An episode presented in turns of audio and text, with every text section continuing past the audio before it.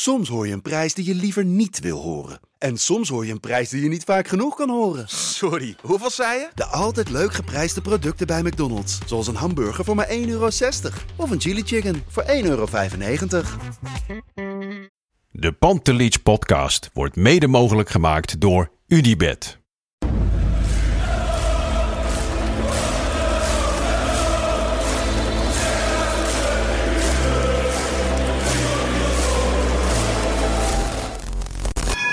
Ik ben eigenlijk passen in Ajax 1 en ik maak mijn minuten. Als je tegen mij zou zeggen, je moet op goal, dan zou ik op goal voor je gaan.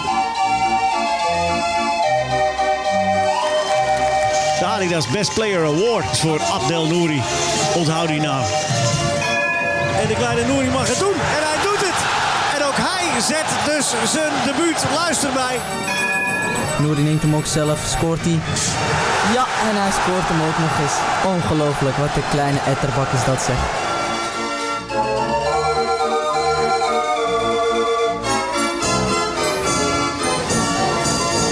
Welkom bij een gloednieuwe aflevering van de Pantelich podcast. Mijn naam is Lars, Lars van Eijden. En vandaag vullen we de aflevering iets anders in dan dat we normaal doen. Normaal zitten we op de actualiteiten. En zoals jullie wellicht aan de titel hebben gezien, gaat het vandaag over Abdelak Nouri. Het is een eh, speciale dag, 2 april. Nouri is jarig vandaag, 24 jaar geworden. Appie, gefeliciteerd. Familie, vrienden, ook gefeliciteerd. Um, voordat we beginnen wil ik eigenlijk even zeggen, deze aflevering is gemaakt met al het respect op de wereld. Ik heb getwijfeld of ik hem wilde maken, maar ben toen met mensen gaan praten, gaan bellen. Dat heb ik opgenomen. Die gesprekken leverden mij een glimlach op mijn gezicht op. En die glimlach is eigenlijk ja, sowieso daar als ik aan Nouri denk, als ik beelden van hem bekijk op YouTube, als ik met hem bezig ben. Uh, ik heb een schilderij in de gang hangen waar hij op staat. Het geeft een bepaald soort kracht en daarom vond ik het wel mooi om deze aflevering te maken. We gaan terug naar het Abdelak Nouri pleintje in Geuzenveld, naar het trainingskamp in Oostenrijk, naar het trainingscomplex De Toekomst, waar hij zijn jongere jaren allemaal heeft doorgebracht sinds hij zeven jaar oud is. Ik had verschillende vragen. Wat maakt hem nou zo speciaal? Welk gevoel roept hij op? En waarom zou je een tatoeage van hem op je lichaam zetten? Daarnaast heb ik ook geprobeerd wat eh, persoonlijke ervaringen erin te verwerken. En ik hoop uh, dat iedereen dit mooi vindt. Confronterend maar mooi. Een lach en een traan.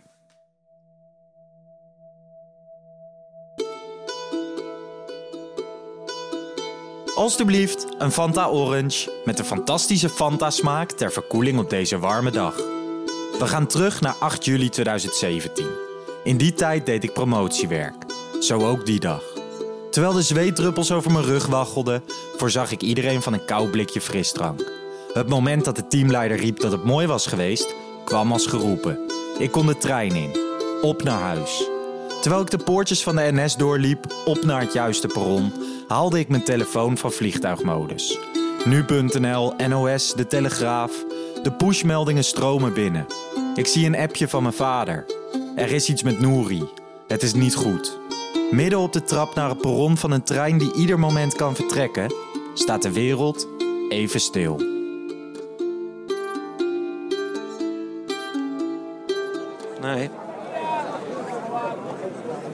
Niet goed met Abdelhak Nouri. Hulp nu ook van de medische staf. Van Werder Bremen. Hij was bij kennis. Hij was bij kennis toen hij daar op de grond lag. Terwijl ik weer in beweging kom, kijk ik niet op of om. Met mijn ogen op mijn telefoon gericht, stap ik in een overvolle, warme trein. Ik moet staan, maar zelfs dat is geen probleem. Op een livestream van Ziggo zie ik verslagenheid bij de spelers en de technische staf. Ik zie witte doeken en een helikopter. Dit kan niet goed zijn. Terwijl mijn trein in beweging komt, hoopt elke vezel in mijn lichaam dat er ook beweging komt in Oostenrijk. Positieve ontwikkelingen. Op het moment dat ik met een brok in mijn keel naar mijn telefoon sta te staren, staat Norbert Alblas, op dat moment derde keeper van Ajax, radeloos op het veld te kijken naar de situatie rondom zijn maatje.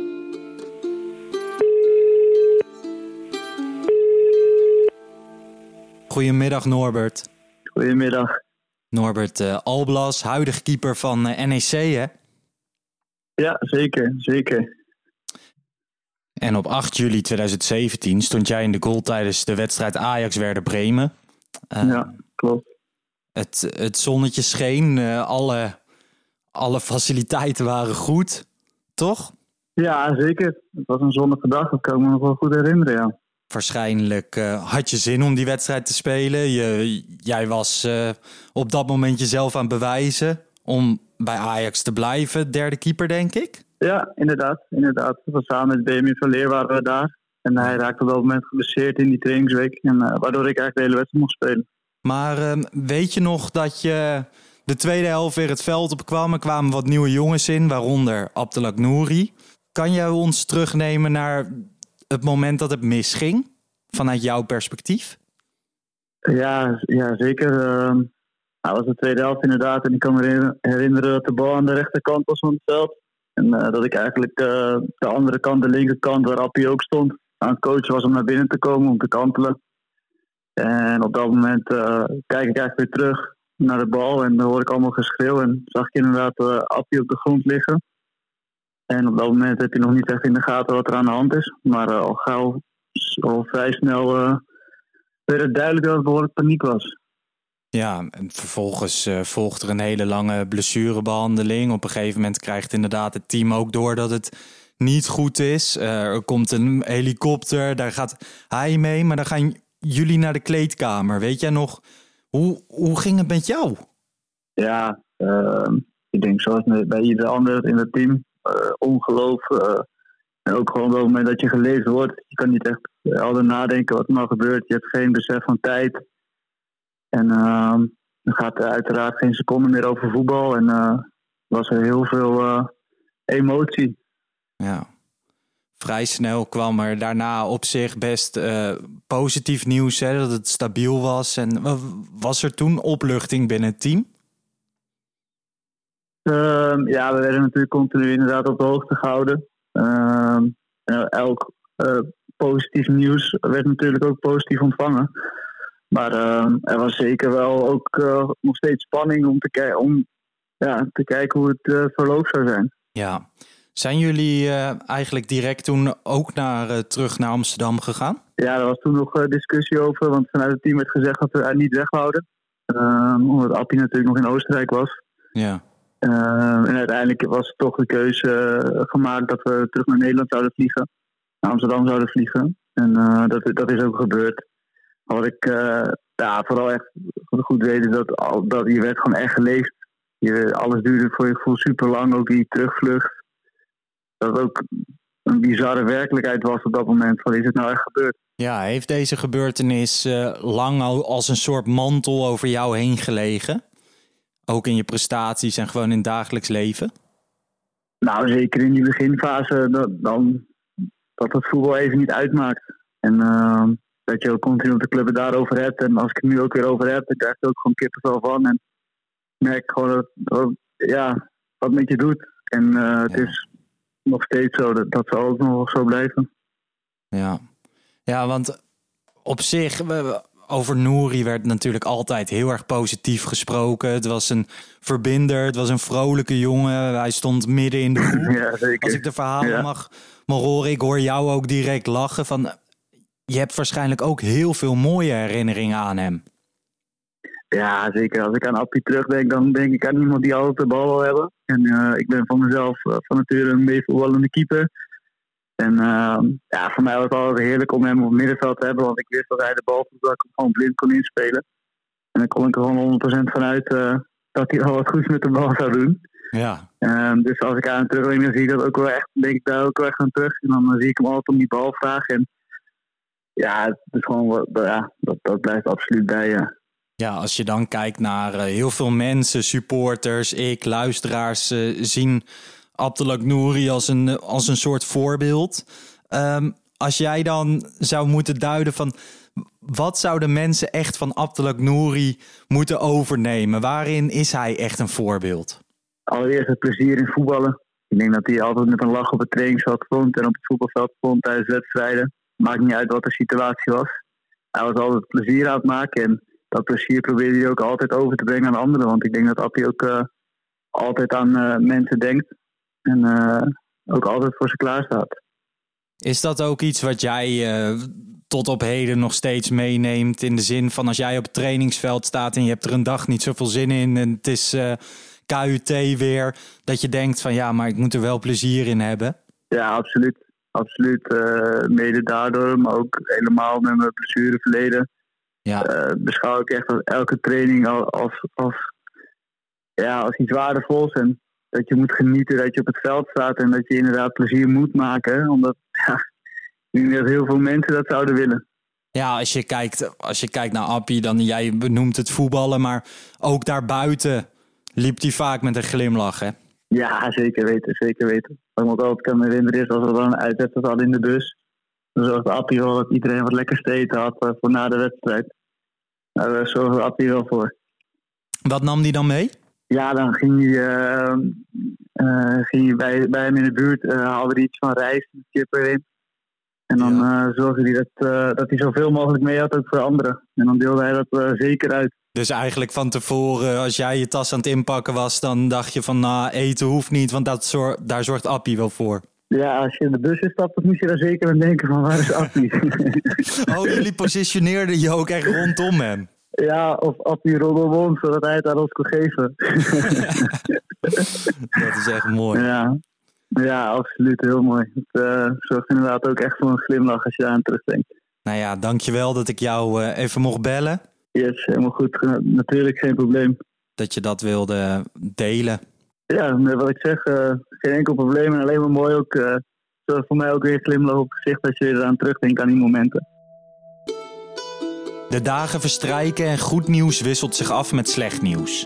Totdat het echt bekend wordt dat er blijvende schade is. Op 14 juli 2017, zes dagen na de gebeurtenissen op het trainingskamp in Oostenrijk, roept de harde kern van Ajax, de F-site, supporters op om die avond om 7 uur naar het Nigel de Jongpleintje te komen in Geuzenveld. Zijn plekje, al snel omgedoopt tot zijn pleintje. De oproep wordt massaal beantwoord. De wijk stroomt over. Jong en oud, moslims en niet-moslims, Ajaxiet of geen Ajaxiet. Honderden, nee duizenden mensen verzamelen zich. Er werd gebeden, er werd gehuild, er werd geknuffeld en er werd gelachen. Mensen samenbrengen, woorden die Appie en die dag volledig tot uiting kwamen. Daar zijn, je verdriet delen, herinneringen ophalen, voor veel mensen een bron van kracht die ze niet meer zullen vergeten. Zo ook voor fanatiek supporter Kevin. In de volksmond ook wel bekend als Kavinski. Yes, Kavinski. Kevin, hoe moet ik je noemen in dit gesprek? Hallo Lars, voor jou mag het allebei. Ik zeg uh, Kevin voor Intimi, dus uh, jij mag me Kevin noemen. Kavinski is een, uh, is een bijnaam. Ik weet, jij bent fanatiek Ajaxiet, maar ook fanatiek Nouri-liefhebber, hè? Ja, ja. Ik, uh, ik denk uh, extremer dan de gemiddelde Ajax-ziet. Al kun je jezelf nooit uh, boven iemand plaatsen, uiteraard. Ja. Maar nee, mijn, mijn liefde voor Nouri gaat terug naar dat ik hem voor het eerst zag in de C'tjes. En mensen hebben er wel eens over hem gehad. En ik dacht, nou ja, goed, een jeugdspeler. Maar het gaat zo ver terug dat ik... in die tijd was ik eigenlijk wekelijks te vinden op de toekomst. En op een gegeven moment sprak ik niet meer over ik ga naar de toekomst tegen mijn toenmalige vriendin. Ik had het over ik ga Appie kijken. Nou ja, het, was een hele, hele buitengewone speler, maar ook een, een buitengewoon mens. Ja, want voordat we daar naartoe gaan, jij bent ook bij die herdenking in Geuzenveld geweest hè, destijds? Ja, dat klopt. Dat klopt. Ik herinner me dat uh, er was aangekondigd om, uh, om naar dat huis te gaan. Of in, de, in ieder geval in die omgeving, bij het pleintje daarnaast. En uh, wij hadden rekening gehouden met misschien een paar honderd man, maar ik geloof dat er wel duizenden mensen, ja, dat is voor mij ontelbaar, maar duizenden mensen daar buiten stonden in één keer. En ik had met wat, wat vrienden een, uh, een bloemetje gekocht en een kaartje om bij die, uh, bij die familie af te geven. En uh, ja, de moeder nam het in ontvangst en die, die vroeg ons ook naar binnen. En dat vond ik ook zoiets bijzonders. bijzonders. Want ze vroegen jullie naar binnen om? Ja, om uh, ze heten ons welkom en waarom ze ons precies naar binnen vroeg, dat weet ik ook niet. Alleen ik vond het zo bijzonder, omdat ik dacht, er staan hier duizenden mensen buiten. dan, ik, het lijkt me ook dat iedereen die daar een bloemetje kwam geven, en dat waren er nogal wat, dat die allemaal naar binnen uitgenodigd werden. Maar ja, dat gaat natuurlijk nooit passen. Ja, want dat was een beetje het thema van die dag. Hè? Van Nouri verbindt allerlei soorten groepen. Of het nou Feyenoorders, Ajaxiden zijn. Hij verbindt. Uh, had jij dat gevoel op dat moment, die dag zelf ook heel erg sterk? Ja, ik, ik vond het vooral heel bijzonder dat er zoveel mensen kwamen. En ik kan me herinneren dat, uh, ja, die beelden zijn er volgens mij ook, dat de vader van Nouri uh, uit de auto, uh, het dak van de auto, en dat hij daar ook ons toesprak. En dat, dat was echt was hartverscheurend. En dat zal me altijd, altijd bijblijven. Ik kan me ook niet, niet heugen dat ik meer geraakt ben door iemand die niet zo ja, uit mijn directe omgeving zoiets zou is overkomen, zeg maar. Het is echt iets, iets heel bijzonders. Ja. En ik merkte dat de andere jongens ook wat deed. Daarna heb jij ook een tatoeage laten zetten van uh, Abdalak, hè? Ja, dat klopt. Waar precies? Uh, dat zat aan, ja, aan de bovenkant bij, aan mijn arm. En dan uh, een foto dat hij, zeg maar die foto dat hij een handje uitbeeldt. Mm. Bij zijn debuut en goal. Ja. Um, ja, ik vond het typerend voor Appie, want ehm, het was een heel, ja, het was, het is. En dat is een beetje gek om in verleden tijd te praten als hij gewoon nog leeft, maar Nee, op het veld had hij natuurlijk uh, had hij maling en alles. Maar daarbuiten vond ik, vind ik hem heel, uh, heel nederig. Ik, dat, dat doet me ook denken aan toen ik hem voor het eerst ontmoette. Dat was zo tijdens een, uh, een straatvoetbaltoernooi in de Westgasfabriek in Amsterdam. Hmm. En hij was geen deelnemer als toeschouwer, net als ik. En ik, ja, voor mij was hij, ik had hem al, al, weet ik het hoe vaak gezien in de jeugd. En voor mij was hij appie, waarvan ik van overtuigd was dat hij de absolute top zou gaan halen als speler. En ik was echt helemaal gek van hem als, als voetballer. En, en hij, hij, ik zeg, hey, je bent Appie, hè? Zei hij, oh, dat u mij, dat u mij herkent. En zo'n kort praatje met hem gemaakt. En uh, ja, ik vond het heel bijzonder. En, en weken daarna kwam ik hem weer tegen op de toekomst. En dan vroeg hij, hoe gaat het met u? En dat vond ik zo typerend dat, ja, voor hem zou ik een totale nobody zijn. Maar hij was altijd zo, uh, ja, nederig en, en ongelooflijk vriendelijk. En, en ja, dat vond ik zo mooi. En binnen het veld, uh, ja, dan veegde uh, veegde die de vloer aan met iedereen. Ja, want daar wil ik eigenlijk nog even naartoe. Van jij hebt nu een, tatoeage van hem. Nou ja, je zou best wel eens naar jezelf kijken. Dan zie je ook die tatoeage. Wat voor gevoel roept dat dan bij je op? Ja, het is, het is, het is een beetje twee, tweeledig. Hè? Dat ik vind hem echt een, uh, hoe jong die ook uh, is, nog steeds. Um, vind ik hem een, een voorbeeld voor velen. Alleen daarnaast is het natuurlijk ook uh, pijnlijk, omdat wij allemaal ja, wat ik zeg, ik was ervan overtuigd. Want ik, ik was al jaren aan het uitkijken van wacht maar tot Appie komt. En, en, ja, we leven in andere tijden wat dat betreft. Nu met Ajax, we zijn weer richting, uh, richting uh, Europese top aan het gaan. En daar had ik hem zo graag terug, tussen willen zien. En ja, dat gaat nooit gebeuren en dat doet natuurlijk pijn. Dus dat, daar moet ik ook aan denken als ik, uh, als ik kijk naar dit tatoeage. Maar toch hunkerden supporters hunkerden al zo vroeg naar Nouri. Zijn naam werd gescandeerd voordat hij überhaupt uh, speelminuten had gemaakt. Hij, hij zorgde ervoor in zijn eentje dat de toekomst helemaal vol zat. Ja, precies. Ik kan me niet herinneren dat er meer hype was op wedstrijden voor uh, Youth League of voor uh, Jong Ajax. Nou, wat ik zeg, vrienden van mij die wilden ook op een gegeven moment Appie kijken. Hey, mag ik jou uh, hartelijk bedanken voor jouw bijdrage? Ja, geen dank Lars. 26 juli 2017, Matchday. Derde voorronde Champions League tegen Nice. Het begin van een nieuw seizoen. Normaliter een moment dat we de glazen tegen elkaar horen ketsen. De lach in de kroeg harder is dan de muziek uit de boksen. En je alleen maar verlangt naar zilverwerk. Vandaag niet. Vandaag is anders. Vandaag is resultaat, mooi voetbal en gejuich niet het belangrijkste. Vandaag is lachen niet aan de orde. Vandaag is proosten op gezondheid in plaats van succes. Ik sta die dag op de F-site. Warm, petje op, vestje om de middel, zweet onder de oksels. In de arena is een filmpje te zien. Je kwam hier binnen als zevenjarige. Wilde krullen, brutale ogen, bescheiden woorden. Wij zijn Ajax, wij zijn de beste. We zagen je uitblinken, we zagen je genieten. We zagen je een onuitwisbare indruk maken. Je zag dingen die niemand zag. Deed dingen die niemand bedacht. Je ontwapenende lach, je eindeloze talenten, je inspirerende geduld. Als je tegen mij zou zeggen, je moet op goal, dan zou ik op goal voor je gaan. Jij, Abdelak, jij bent Ajax. Jij bent clubliefde. Jij bent Amsterdam. Jij bent Ajax. We denken aan je en we bidden voor je. Voor papa, voor mama, voor je broers, je zusjes, voor je hele familie. Hoe trots bent u op je zoon?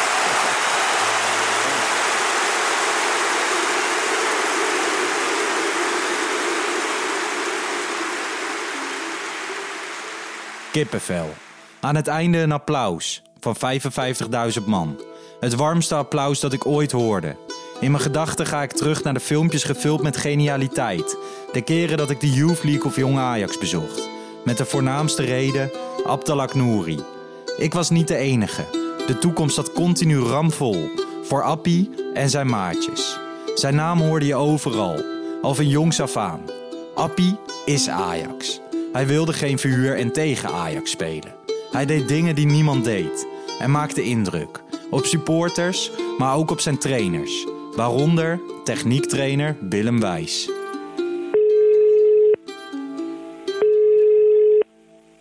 Willem, Willem Wijs, goedemiddag. Goedemiddag. Oud jeugdtrainer bij Ajax, hè? Dat klopt, ja.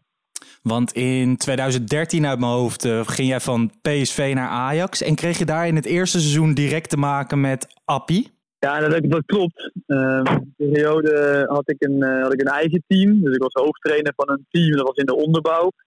Uh, onder 10, als ik het zo goed uit mijn hoofd zeg. En ja, ik was fulltime in dienst. Nou, ja, je kunt je voorstellen dat de onder 10 niet, ja, niet iedere dag en ook niet van ochtends goed tot avonds laat traint. Dus om, om zeg maar, mijn fulltime contract te vullen, gaf ik daarnaast nog techniektraining en individuele sessies. Ook voor middenbouw- en bovenbouwteams. En het was zo dat even uit mijn hoofd Appie toen in de onder 17 speelde. Ja, toen ik inderdaad uh, zo nu en dan met hem in aanraking kwam. Omdat ik dus daar ja, gedeeltes van die trainingen verzorgde waar hij ook aan deelnam. Dus ja, zo ging dat eigenlijk in het eerste seizoen. Ja, weet jij nog dat je hem voor het eerst ontmoette of je eerste indrukken rondom hem? Nou ja, kijk, het was zo dat hij eigenlijk al te boek stond als een heel groot talent. En ja, ik was heel trots op mijn overstap naar Ajax toen. Want Ajax is natuurlijk een hele grote club die echt ja, ook wel bekend staat om de, om de opleiding natuurlijk. Dan ga je ook altijd de research doen naar wat zijn mijn toekomstige collega's, wat zijn de spelers daar. En dan ga je die Ajax-sites een beetje volgen uh, van de fans en uh, dat, dat soort met de forums en dat soort dingen.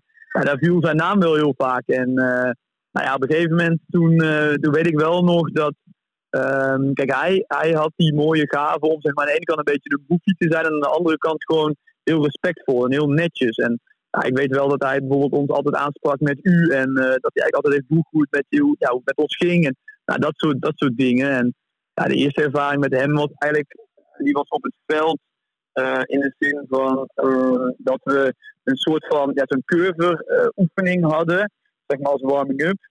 Ja. En het viel mij op dat heel veel spelers die nog niet zo goed beheersten. En toen probeerde ik hun een beetje te triggeren door zeg maar, te zeggen van hé, hey, weet je, ik dacht dat jullie allemaal van, van die jongens van de straat waren. Dus ik dacht die boys van de straat die zijn wel vaardig. Weet die ballen onder controle, maar ja, ik, ik zie er weinig van. Ja, toen zag hij meteen dat zijn eergevoel, weet je, hij was natuurlijk een typische straatvoer, dat hij meteen aan de gang ging. Ze van oké, ik zal wel even laten zien, zeg maar, hè, dat het met een tandje sneller en een tandje meer kan. Hè, dat ik het gewoon eventjes uh, wel ga laten zien dat ik hem wel heel snel in de knie heb.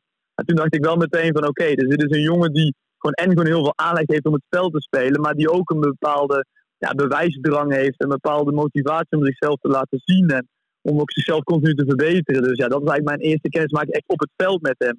Ja, toen dacht ik wel, oké, dit is wel een bijzondere speler. Ja, en als supporter ja, je kwam vroeg in aan, aanraking met de naam en zag je wel eens fragmenten uit samenvattingen en zo. Maar niet de trainingen natuurlijk. Was zijn techniek echt zo bijzonder vergeleken met anderen? Hij was gewoon hij was, uh, heel vaardig.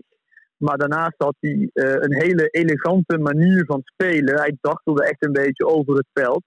Maar dat is niet het enige. Kijk, hij staat daarom bekend. Maar zijn overzicht aan de bal, zijn inzicht, gewoon het herkennen van spelsituaties. Um, mensen vrij voor de keeper zetten. Um, maar ook bijvoorbeeld, uh, kijk, hij was natuurlijk niet de grootste, niet de allersterkste, maar wel ook heel slim. Hè, waardoor hij op een hele slimme manier, waarschijnlijk ook gewoon geleerd op de straat, zijn lichaam kon gebruiken. Waardoor hij bijvoorbeeld ook echt heel balvast was. Of een duel om de bal, wat, wat hij gewoon winnend kon afsluiten. Omdat hij gewoon op een slimme manier, door juist te timen, ja, zijn lichaamsgewicht in de strijd zette. En nogmaals, dat was dus niet, uh, hij was dus niet zwaarder of misschien per se sterker dan een tegenstander, maar wel slimmer. En uh, ja, dat is me ook heel erg bij hem bijgebleven. Kijk, heel veel mensen praten natuurlijk over zijn techniek en over zijn functionele techniek. En iedereen weet bijvoorbeeld ook dat in die U-League wedstrijd dat hij die schijntrap maakte, dat die jongen ja. die tegenstander op zijn, uh, op, op, op zijn kont belandde. Uh, maar dat is natuurlijk ja, één deel van, van de speler Apinouri. Maar hij was veel completer als, als alleen dat. En ja, daarnaast was hij denk ik als, als mens ook nog eens enorm inspirerend. Ja, je hebt Nouri ook ooit uh, in een interview de bijzonderste speler genoemd waarmee je hebt gewerkt.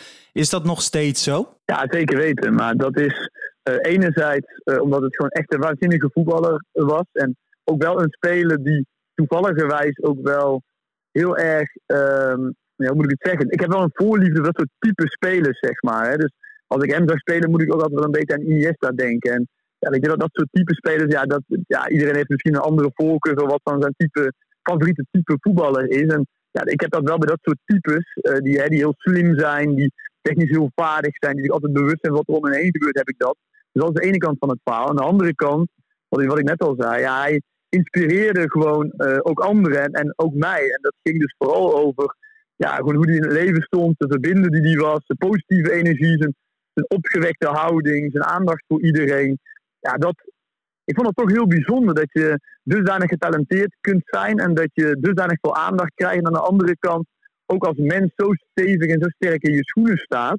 Ja, dus blijkbaar ook in staat bent om heel veel mensen te inspireren. Dat vond ik het meest bijzondere aan hem. En daarom heb ik hem toen de meest bijzondere speler genoemd waarmee ik heb gewerkt. Omdat, ja, weet je, hij, hij werd gewoon echt door letterlijk, maar echt iedereen op de toekomst ook gewoon geliefd. Ik bedoel, ja, van mensen die daar achter de bar stonden, tot de materiaalmensen, tot zijn teamgenoten en de trainers. Echt, alles iedereen die daar rondliep, uh, ja, die had wel een bepaalde band met hem. En had heel veel ja, bewondering en waardering voor hem. Dus ja, daarom is hij wel de meest, uh, wel de meest bijzondere speler geweest, ja, zonder meer. Ja, gebruik je ook wel eens uh, Nouri nog naar je, naar je huidige teams als een soort voorbeeld? Of misschien wel naar mij of naar een luisteraar? Waar, waarin moet je hem nou echt als een voorbeeld zien? In alles wat je net hebt genoemd, maar dan kort samengevat, zeg maar. Ja, en nederigheid. En, en nederigheid die voortkomt uit. Uh, kijk, het ligt denk ik op de loer en zo, zeker ook in deze maatschappij, waarbij jongeren heel snel heel veel aandacht krijgen. Uh, zeker ook via social media. Hè. Ik bedoel, uh, je ziet dat sommige, ja, nou, laten we bijvoorbeeld dan bij Ajax blijven in dit geval. Heel veel jonge spelers krijgen al heel jong te maken met heel veel aandacht. Ze worden enorm gehyped en dan ligt op de loer. Dan kunnen die spelers misschien niet heel veel doen. Dat ze naast hun schoenen gaan lopen. Of ja, dat, ze misschien een beetje worden gek gemaakt in hun hoofd. Door zaakwaarnemers, door fans, door scouts, door tegenstanders, door medespelers, door wat dan ook. Mensen uit je omgeving. Ja, en, hij bleef altijd heel nederig. Dus als ik dan één woord zou moeten noemen, kort samen te vatten, ja, dan, dan zijn nederigheid. Ja, je kunt wel zeggen dat hij heel, heel erg puur is gebleven in al die jaren. Ja, mooi samengevat. Willem, bedankt dat ik je even mocht bellen. Ja, nogmaals geen enkel probleem. Was leuk om te doen. Als ik de sleutel in het sleutelgat doe en de trap van mijn bovenwoning oploop, hangen daar twee schilderijen. Johan Cruijff en daaronder hangt Appie. Met zijn duimen naar rug nummer 34. En de naam Nouri. Titel nummer 34. Dat is hetgeen wat hij zichzelf, het team en alle supporters wilde geven. Het werd de titel, maar in plaats van door Appie werd het voor Appie. Kruif en Nouri, onder elkaar, met elkaar. Beide bronnen van inspiratie. De ene schitterde in de jaren 70, de andere op de toekomst. Ik, wij, jij als luisteraar zijn verliefd geworden op Ajax mede door de geschiedenis. De status, de romantiek die eromheen hangt. Vorige week hadden we een winactie waarbij een speler moest vergelijken met Sjaak Zwart, een ander clubicoon. De winnaar hiervan is geworden Ronald van Duren. Hij zei thinking outside the box. Die andere Sjaak, Sjaakie Wolfs. Uitgesproken, trouw aan de club en een icoon. Gefeliciteerd, jij krijgt een boek. Trilogie Ajax heeft de Europa Cup.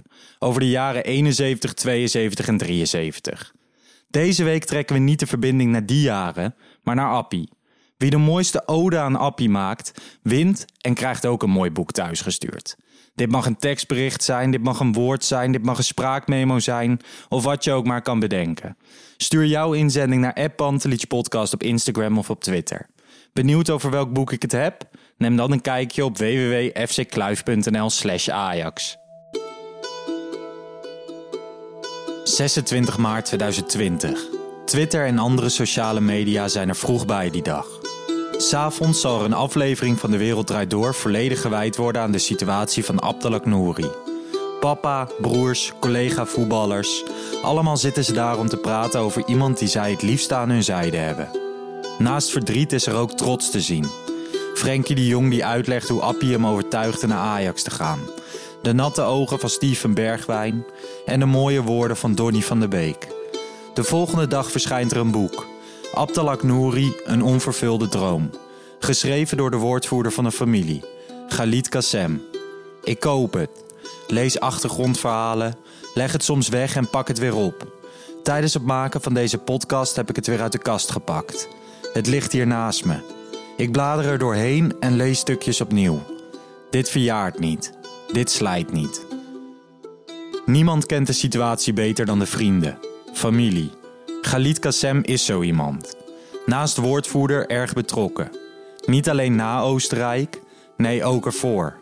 Via mijn podcastcompaan Christian wordt er contact gelegd. Of we even kunnen bellen. Praten over Appie? Dat kan altijd, is het antwoord.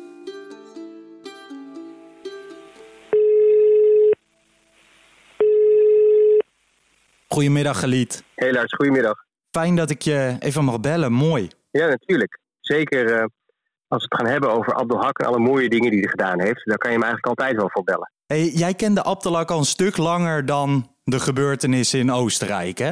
Hoe kwam dat zo? Hoe is dat ontstaan? Ja, Appie die kwam een tijd daarvoor bij mij langs. Omdat hij, uh, er was wat gedoe rondom zijn contract. En er waren dingen uitgelekt via voetballeaks. En, en via via had hij gehoord dat ik... Uh, advocaat was en ook uh, het een en ander in sportrecht deed. Dus uh, ja, hij kwam eigenlijk naar mij toe, een beetje geïrriteerd omdat er allerlei zaken op straat lagen. En vroeg mij of ik hem kon helpen. En eigenlijk vanaf dat moment ben ik bij hem betrokken gebleven. Ja, was het direct een vrij close band? Ja, dat ging best snel. Kijk, Appie, ik heb natuurlijk met heel veel spelers te maken gehad in mijn carrière. Ja. Um, en Appie was anders. Omdat Um, heel veel voetballers zijn eigenlijk vaak bezig met het hier en nu. En Appie was veel meer bezig met wat ga ik nou uh, straks doen uh, na mijn carrière. En dan had hij het vooral over, uh, het klinkt misschien wat soft, maar had hij het vooral over wat is nou zijn grotere rol in het leven. En, en, en hoe kan hij meer waarde toevoegen na het voetballen. En hoe kan hij, hij zette zich in tijdens zijn carrière vaak al voor heel veel liefdadigheidsprojecten en sociale thema's iets dat verder ging dan alleen de waan van de dag. En dat, dat, dat vond ik heel speciaal voor zo'n jonge jongen die eigenlijk pas aan het begin van zijn carrière stond. Hij was qua denken al, al heel veel stappen ver vooruit. Ik, heb, ik quote jou ook even als ik zeg: uh, nooit heb ik een jonge speler gezien die meer met anderen bezig is dan met zichzelf. Ja, het begon al echt op een hele jonge leeftijd. En dan moet je je voorstellen, dan was hij op een buitenlands toernooi bijvoorbeeld. Ja. En zijn vader uh, die verzamelde eigenlijk alles wat met Appie te maken had. En dan waren er vaak van die mensen die foto's maakten tijdens zo'n toernooi en die na de wedstrijden verkochten buiten het stadion. En er waren er altijd jongens in het team waar de ouders er eigenlijk nooit van waren. Die een beetje op zichzelf waren, aan hun eigen lot werden overgelaten. Ja. En dan kwam het meer dan regelmatig voor dat Appie tegen zijn vader zei van... Eh, ik heb al zoveel spullen, wil je die foto kopen en dan aan hem geven. Zodat hij ook een aandenken heeft aan, aan dit toernooi uh, voor later.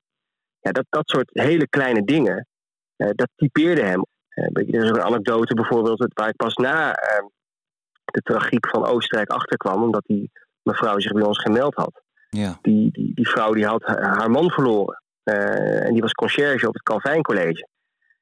en haar man die was, dat ging heel abrupt van de een op het andere moment. En, en, en dan kwam Appie uh, langs bij haar, omdat hij wist dat zij een hele lastig pakket zat. En dan had hij heel veel tassen boodschappen bij zich en nog een aardig bedrag, zodat die vrouw uh, even vooruit kon, omdat hij zich bekommerde om haar. Het zit, zit in dat soort hele kleine dingen die mij heel veel zeggen over kwaliteiten van een mens. Niet zozeer als een voetballer, maar vooral als mens. En hij had waanzinnig veel kwaliteiten als mens. Nou, dat, zijn, dat zijn waanzinnig mooie herinneringen natuurlijk. En dat soort anekdotes die hebben zich. Uh, hebben we heel veel gehoord, zeker, uh, zeker na alle ellende die hier in Oostenrijk gebeurt. Ja, en je had het daarnaast ook regelmatig met hem over zijn ontwikkeling als speler. Hè? Um, hoe was hij daarin? Was hij kritisch op zichzelf of tevreden? Nou, hij was eigenlijk nooit heel snel tevreden. Um, zijn, zijn vader had vroeger zo'n zo'n zo'n ouderwetse camcorder, zo'n zo'n opnameapparaat met die, die kleine bandjes erin, hè, met, uh, en die, nam eigenlijk iedere wedstrijd op.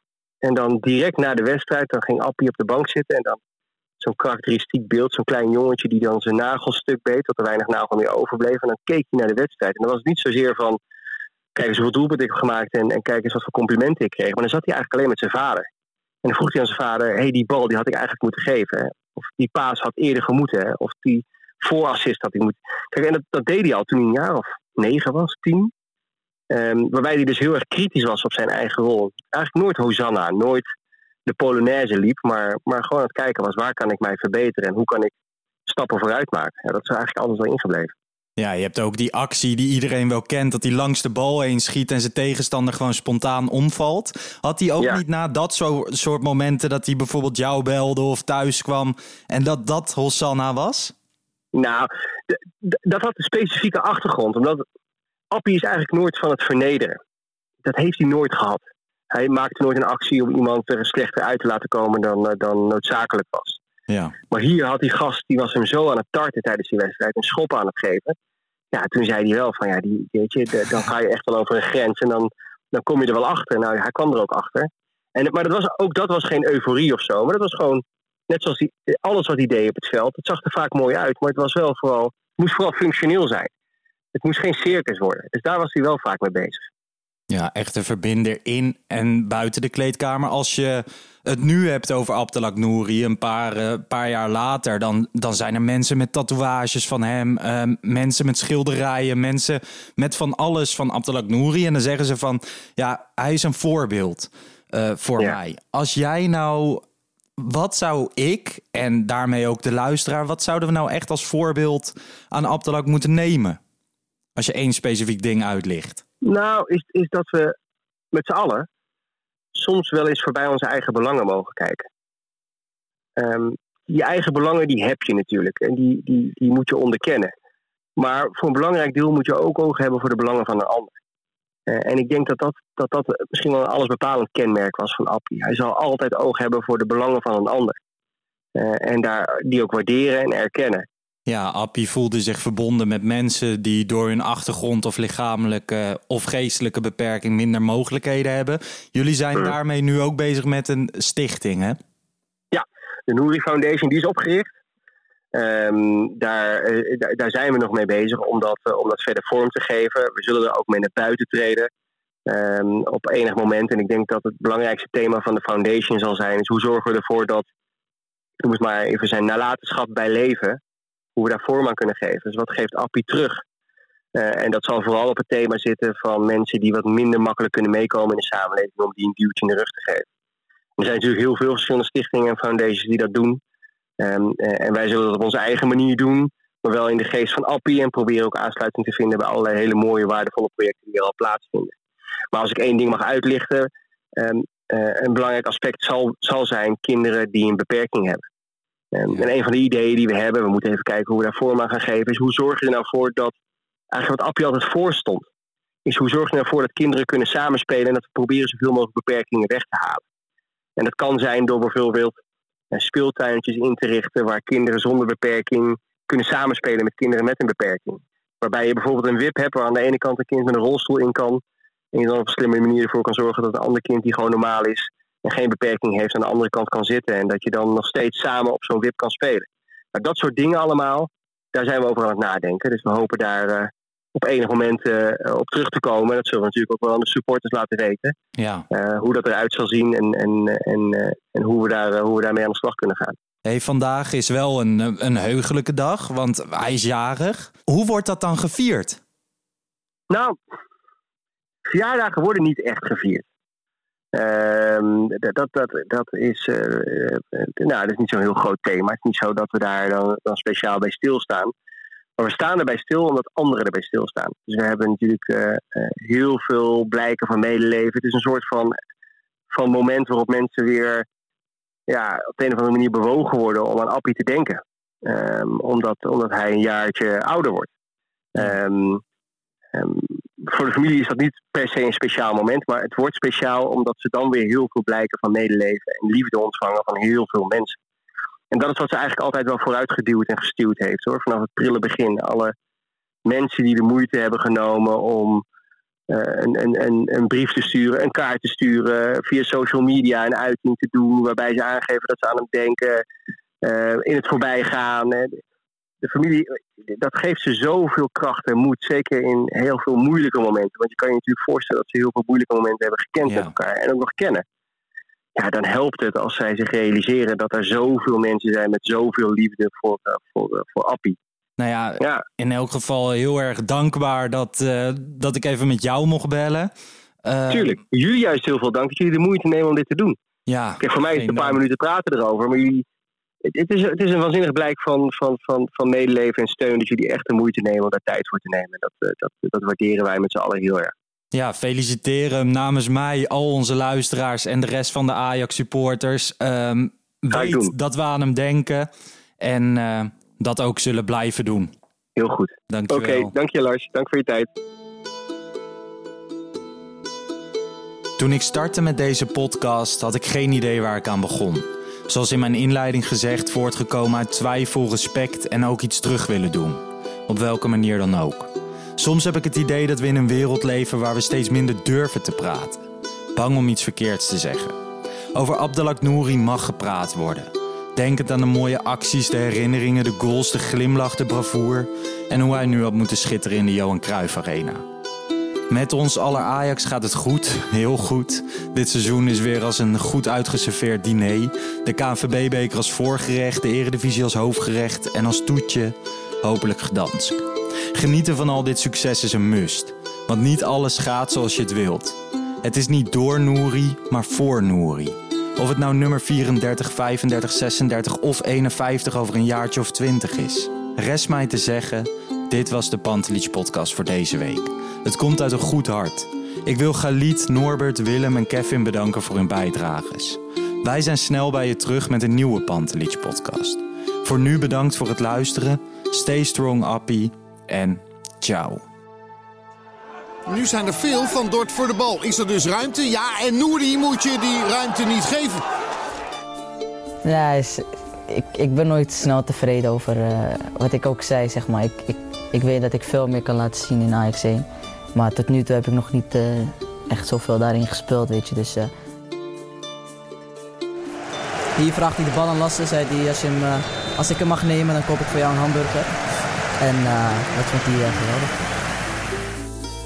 En dat is toch wel mooi dat ik het nu gewoon weer bewijs tegenover de mensen die dat hebben gezegd. Dat ik eigenlijk hun mond kan snoeren eigenlijk. Dus dat, is, dat is gewoon lekker, maar goed. De beste speler van de Super League in de eerste periode. Abdelak Nouri krijgt de prijs van de speler voor wie de ploeg kwam bij zijn debuut voor Ajax 1. Hakim Ziyech